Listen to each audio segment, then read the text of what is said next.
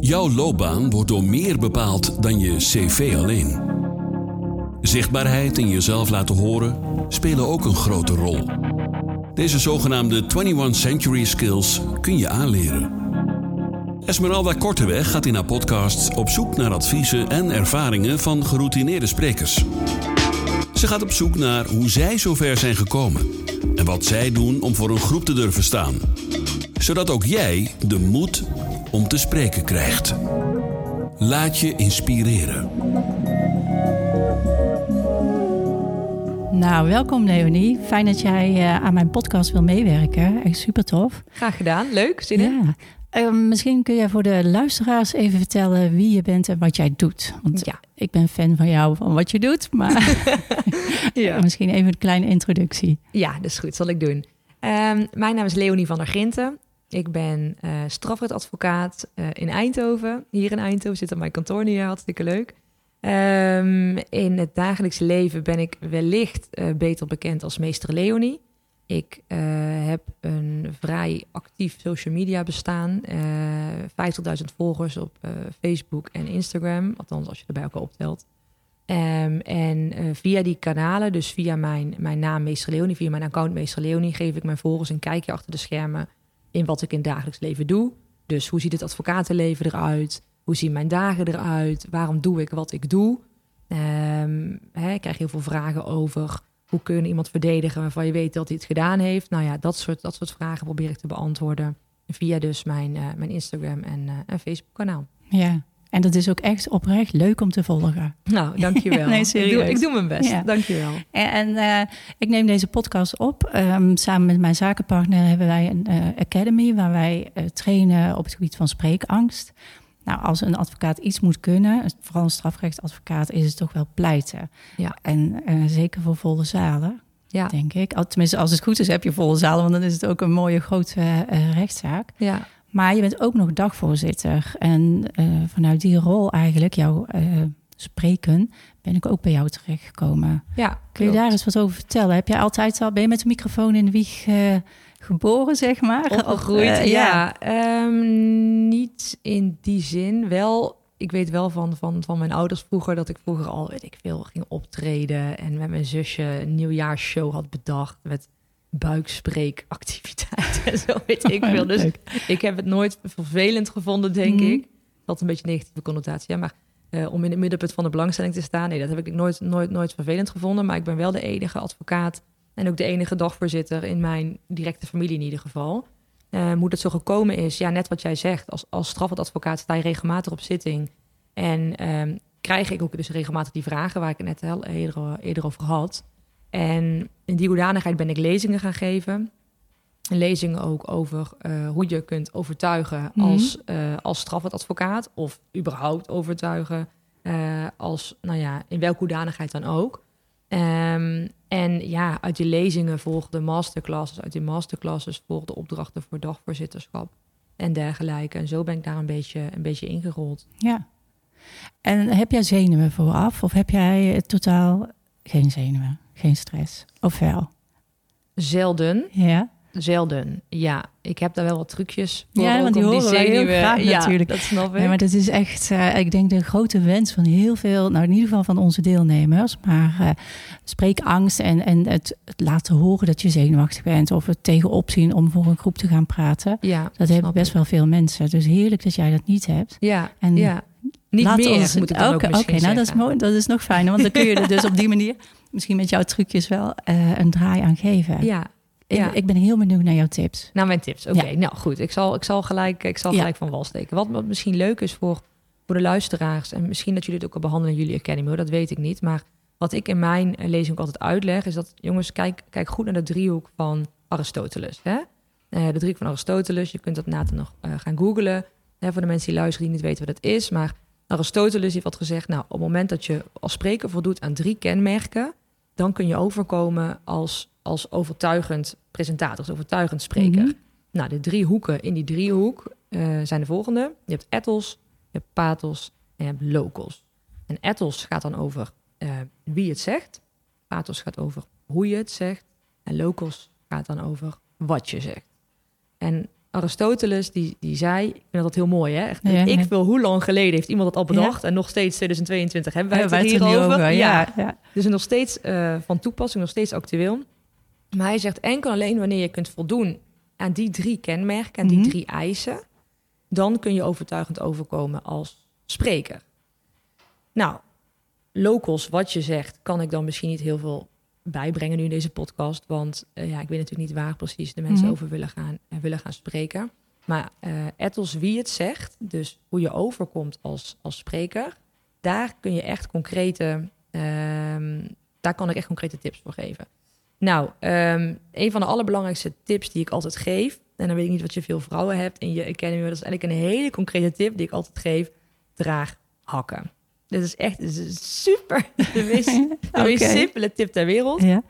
Maar ik krijg regelmatig dus ook terug eh, van mensen die die masterclass hebben gevolgd met mij of die lezing hebben gehad van oké, dat werkt echt. Waarom werkt dat? Omdat als je hakken draagt, je automatisch rechterop staat. Je bent groter, je, hè, je borst vooruit, schouders naar achteren. Ehm, je voelt je als het ware eh, groter. En dat maakt ook dat je je overtuigender ehm, overkomt. Dat je die overtuiging ook een beetje daarmee kunt, kunt faken eigenlijk, als Ja, het ware. Ja. Ehm, datzelfde kun je doen met ehm, oogcontact. Hè? Oogcontact vinden mensen eh, soms lastig. Om, maar het is, het, is, het is natuurlijk wel zo dat enkel alleen wanneer jij oogcontact maakt met degene, met jouw publiek voor wie je spreekt, eh, dat jij dan zelfverzekerder overkomt. Ja. Is ook logisch, want als ik hè, met jou praat en ik zou niet aankijken, maar ik zou een beetje naar de grond zitten kijken, dan Hm. kom je ja, het is Is ook, over. ja, en het is ook niet comfortabel om zo'n gesprek te hebben. En dat geldt voor een zaal ook natuurlijk. Nou, precies. Ja. Maar goed, als je dat spannend vindt, ehm, is het een tip, een hele concrete ook, die, eh, waar ik in het begin ook wel een beetje, nou ja, nee, geen misbruik, zo moet ik het niet zeggen, maar gebruik van heb gemaakt, is om mensen die eh, wat verder weg van je zitten, Mhm. niet in de ogen aan te kijken, maar eigenlijk net erboven. Dus voorhoofd, vanaf de wenkbrauwen, tussen de wenkbrauwen, nou, een centimeter of twee, drie naar, naar boven.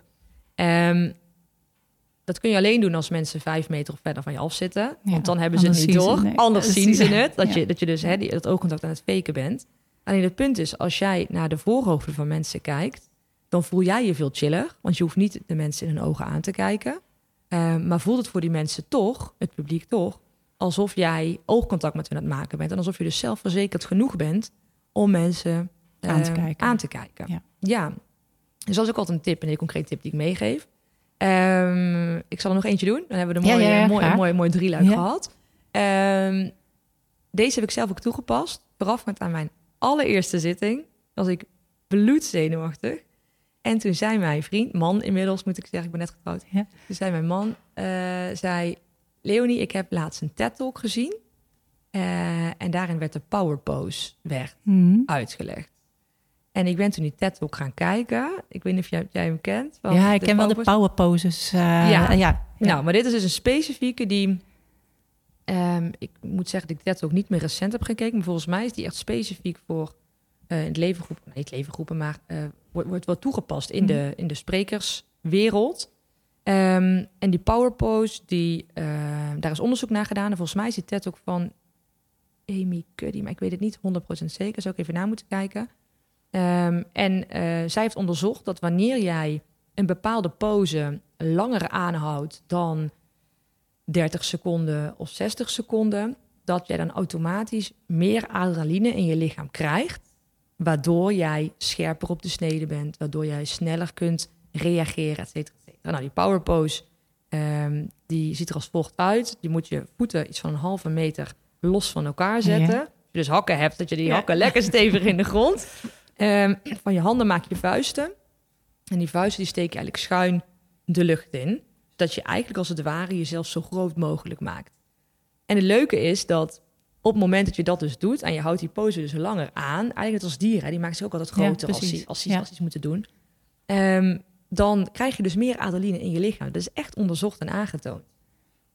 Dus voorafgaand aan mijn eerste zitting... dacht ik, ja, Ja. boeien, baat het niet, dan schaadt het niet. Dus ik ben gewoon de wc ingegaan bij de rechtbank. En ik dacht, nou, ik ga gewoon maar even die powerpose doen in de wc. Ja. ik ben gewoon in de rechtbank gaan staan. Met mijn, met, mijn, met mijn vuisten gebald omhoog en mijn voeten uit elkaar. En ik ben die powerpose gaan doen. En of het heeft geholpen of niet, ik heb geen idee. Maar voor mijn gevoel had het wel geholpen. Dus Ja. ik kwam die wc uit en ik dacht, ik ga die zitting nelen. Ja, Ik ga het doen. Ik own de zaal. Ik, ik own die zaal. Ja, dus die powerpose, die helpt mij dus ook altijd. Dus Ja. powerpose, oogcontact Dat. en hakken zijn nou, Ja. in ieder geval voor nu even mijn eerste drie concrete tips... waar mensen meteen mee aan de slag kunnen. Ja, ja, nou zeker weten. Dankjewel. Graag En gedaan. eh, want jij zei van eh, hoe je het zegt en eh, wie het zegt. Ja. Heb je daar nog eh verschillen in of tips voor? Ja, absoluut. Ja, Ethos is echt, hè, ehm, wie het zegt, Paters is hoe je het zegt. Ehm, maar hoe je het zegt ziet echt op ehm, de manier waarop je iets naar voren brengt. Hm. Ehm, bijvoorbeeld door te werken met stijlfiguren. Wat ik heel vaak doe, als ik een, een pleitnota af heb voor een grote zaak, dan staat in principe alle, alle content die ik nodig heb om mijn punt naar voren te brengen, die staat er dan in. Ehm, maar wat ik daarna doe, is gaan kijken van, hey, alles staat erin, maar kan ik het ook op een nog betere, leukere, eh, duidelijkere manier naar voren brengen? Ehm, ik zou bijvoorbeeld kunnen zeggen, ehm, ik noem even iets, hè. Eh, dit tapijt is groen. Dan zeg ik in principe niks fout. Hm. Maar ik zou ook kunnen zeggen, dit tapijt is niet eh, zwart, maar groen. Hè, dan maak je gebruik van een contrast. Dus op die manier, hoe je het zegt, kan je het op een toffer, op een leukere, op een meer pakkende manier naar voren brengen. Dus wat ik altijd doe als ik een pleitnota heb voor een grote zaak, ik ga er met die, met die patosbril ga ik er naar kijken. Ik ga kijken van, hey, hoe kan ik bepaalde dingen nog herschrijven? Hoe kan ik bepaalde dingen nog mooier, nog leuker, nog boeiender naar voren brengen? En dat is, nou ja, hoe je die pathos een beetje kunt eh, verbeteren. Nou, ook een mooie tip. Ja, ja, heel fijn. Dankjewel. Blijf ze gewoon gooien. Ja. En ja, dagvoorzitterschap, eh, dat is ook voor grote zalen. Ja. Nu zijn bij ons de deelnemers aan onze training, die geven vaak aan van nou, hè, met tien mensen ja, dat gaat eigenlijk best wel goed. Eh 15 vind ik al spannend, 20 wordt al moeilijk, 30, hm, 40 Ja. doe ik niet. Maakt dat voor jou verschil uit? Het aantal mensen dat eh, naar je gaat luisteren en kijken? Of Nee. eh, niet? Nee, totaal niet. Nee, Nee. totaal niet. Sterker nog, eigenlijk, ehm, nou ja, wat ik net al zei, als het gaat om die tip van oogcontact, Mhm. soms zijn grote zalen juist fijner. Want de grote zalen zitten lekker in het donker. Dan kun je nog makkelijker dat oogcontact faken, maar dus wel net doen alsof je dus allemaal met iedereen hè, zelfverzekerd genoeg bent om oogcontact te maken. Ehm, terwijl als jij een hele kleine groep hebt, die allemaal heel dicht bij je zitten, dan kan dat veel intiemer zijn. Ja. Bij muzici hoor je dat bijvoorbeeld ook heel vaak. Hè? Die Ja. vinden het spannender om voor een kleine zaal een intiem huiskamerconcert te geven dan voor een mega grote zaal eh, op te treden. Hm. En als spreker, ja, het maakt mij niet heel veel uit, moet ik eerlijk zeggen. Ik ben niet zenuwachtig voor een kleinere groep dan voor een grotere groep. Ehm, maar het is ook zeker niet zo dat ik voor een kleinere groep spannender vind. Nee. Eh, voor een grote groep, sorry. Nee, als ja, ja. cursisten spannender vind. Ja. Nee, helemaal niet. Sterker nog, bij een kleine groep is het vaak zo. ehm, krijg, je, krijg je misschien meer vragen? eh, gaat het allemaal sneller? Eh, terwijl bij een grote groep ehm, kun je heel vaak gewoon je verhaal afsteken zonder dat je daar wordt. Ja, juist. Ja, ja. En merk je als jij dagvoorzitter bent, hè, dan eh, eh, doe je de inleiding, denk ik, en je praat de sprekers aan elkaar. Merk je dan eh, dat de andere sprekers het ook af en toe wel heel spannend vinden? Help je ze daarbij? Hoe moet ik dat zien? Ja, dat merk ik wel. Mhm. Ja, afgelopen dinsdag toevallig was ik nog dagvoorzitter bij, bij een evenement. En de voorzitter van de organisatie, die ging een kort woordje doen. Die zei van, ja Leonie, ik vind het super spannend. En het zei ik, nou is goed, geen enkel probleem. Ik lood je er wel doorheen, Ja. dus dan blijf ik gewoon actief vragen stellen. En ja, weet je wat je altijd merkt? Het was afgelopen dinsdag ook weer. Mensen zijn op voorhand vaak heel zenuwachtig. Precies. Ja. Maar als ze eenmaal daar staan... Ik zei ook tegen hem, ik zei, Bo, er- was helemaal niks aan de hand. er was helemaal niks aan de het hand. is echt vooraf, die Het is- spanning. ja. ja. het is echt Ja. eraf. En eenmaal, je staat daar. Kijk, je moet, je moet over die drempel, hè? Ja. Die drempel is vaak even, even spannend. Ik heb het op zitting ook. Als ik, vaak heb ik dan een soort van kriebel in mijn buik als ik naar de rechtbank toe loop. De, Mhm. Nou, niet de, rechtbank, de fysieke rechtbank, maar je noemt de rechtbank ook de, de drie rechters die daar zitten. Dus als ik naar de drie rechters toe loop in de zittingszaal al, dan denk ik, oké, we gaan beginnen, we gaan knallen. Maar als ik er eenmaal zit, sterker nog als ik eenmaal sta, want wij pleiten natuurlijk staan, Met je hakken aan. met mijn hak Ja. aan, exact. Dan, dan vergeet je die spanning, dan zit je in je verhaal Ja. en daar ga je er gewoon voor. En dat is wat ik ook zie, dus inderdaad bij, ehm, bij sprekers die dan op voorhand vaak echt nog wel wat gespannen of nerveus zijn. Snap ik. Alleen op het moment dat ze eenmaal staan, Hm. Ja. moet Dat is ook weer een geruststelling eigenlijk, hè?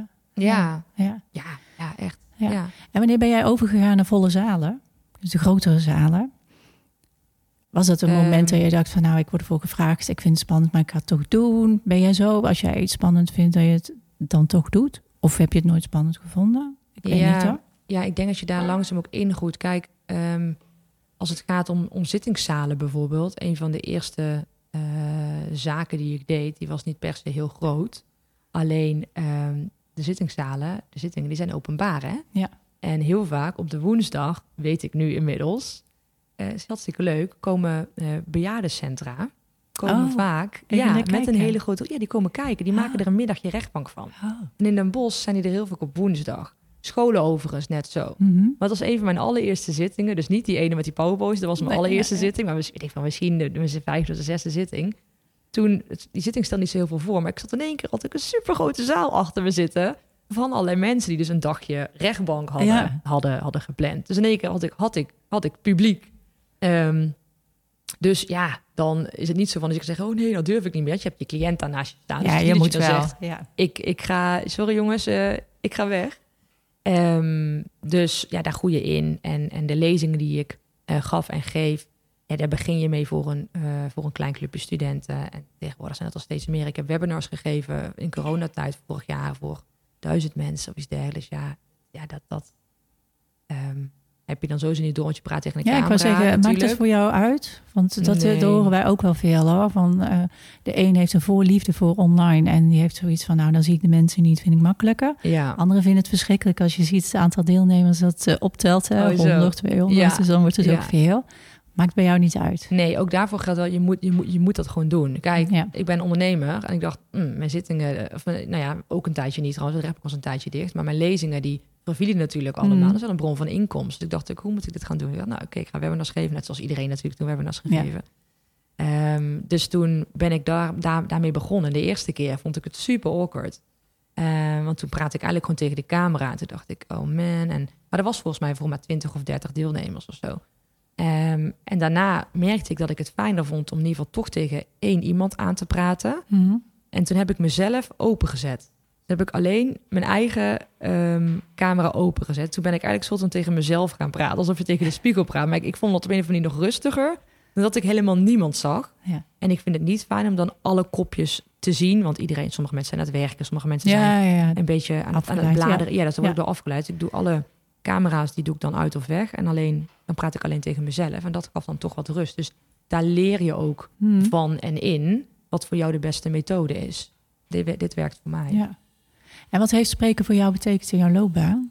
Als je zo eens terugkijkt. Alles. Ja, hè? Ja, alles. ja, en- Als, als strafadvocaat moet je Ja. goed kunnen praten. Ja. Dat is mijn core business. Pleiten is mijn core business. Maar ik denk ook echt oprecht wel dat communicatieve vaardigheden en je stem durven laten horen en je mannetje staan en steeds meer eigenlijk wel een vaardigheid eh, wordt wat eh, in de toekomst ook gewoon belangrijk is. In welke loopbaan dan ook. Altijd. Ja. Altijd. Ja. De, de lezingen die ik geef, die worden ook heel veel door ondernemers Hmm. eh, bezocht. Ik word ook ingehuurd door grote ondernemingen. Logisch natuurlijk, want ja, je pleitskills, zeg maar, Ja. die heb je nodig. Hè, altijd. Dus het is goed dat er academies bestaan zoals die van jou. Want, Ja. want dit, zijn, dit zijn vaardigheden die je, nou ja, niet alleen zakelijk wilde ik zeggen, maar ook in je, ook in je privé Ja. ehm, omstandigheden nodig hebt. ja. Nou, goed absoluut. praten is, ja. is, is, is, is essentieel. Ja. ja, daaruit is het ook voortgekomen hoor. Dat ik wel eh, mensen coach en hoor van nou, ik ga niet aan die eh, opleiding beginnen. Want dan zit er aan het einde een wrap-up van wat ik geleerd heb. Vind ik spannend. Ik wil graag manager worden, maar dan moet ik een werkoverleg eh, leiden. Dus echt allemaal drempels op het gebied van spreken. Dus het is Zo niet per se, Nee, ja, per se zeg maar voor volle zalen of dat iemand een eh, presentator wil worden. Maar het zit hem ook in de kleine dingen in Ja. je loopbaan. Ja, Dat is zo maar zonde, hoe jammer, precies, Ja. hoe jammer is als iemand een managerfunctie, managementfunctie dan, dan niet zou doen uit angst. om voor die groep te gaan staan. Ja, ja. Ja, dat doet me hard pijn van. Dat is echt zo Ja, zonde. ja. ja, dan verlies je gewoon goede krachten Ja. op basis daarvan. Terwijl, en dat is echt, als het, als het gaat om spreken, oefening baart kunst. Hm. Echt waar. Meters maken. Gewoon meters maken. Gewoon, ik doe een beetje bagatelliserend, dat bedoel ik niet. Maar oefening baart kunst. En niet alleen meters maken misschien dan voor, voor publiek. Maar dit zijn tips die zal je ongetwijfeld ook geven in je academy. Ga oefenen. Ga voor de spiegel staan. Neem jezelf op. Kijk hoe jij het doet. En kijk het vervolgens ook na. Vinden mensen super awkward. Hm. Maar ja, boeiend. Als jij, als jij gewoon je telefoon op, op, op self, selfie eh, modus Stand, ja. zet. Ja, selfie stand Ja. staat, dank je. Ja. En je zet hem op video en je, je, je, je gaat jezelf filmen. Dan ben jij toch de enige die dat na hoeft te kijken. Misschien doe jij iets heel raars met je rechterhand. Ja. Je hebt toch liever, denk ik, dat je dat, dat dan dan zelf ziet. Precies, en dat je er iets aan kunt doen. Ja. En hoe vaker je het doet, hoe makkelijker het wordt. Echt 100.000 procent. Oefening baart kunst. Nou, ik vind dat een hele mooie afsluiter. Of jij moet misschien nog een, eh, iets te vertellen hebben, maar ik vind wel eh, kilometers maken en elke keer Ja, door het eh, gevoel heen van on- ongemak, ja, maar het toch doen. ja, precies. Door het gevoel van ongemak heen gaan en Ja. het toch doen. Ja. Ja, Nou, dankjewel. vanzelf pleit als een, Ja. als een advocaat. Als, als meester Leonie. Als meester Leonie. Ja, precies. Hey, hartstikke bedankt. Leuk. Graag Dankjewel. gedaan. Graag gedaan. Dankjewel.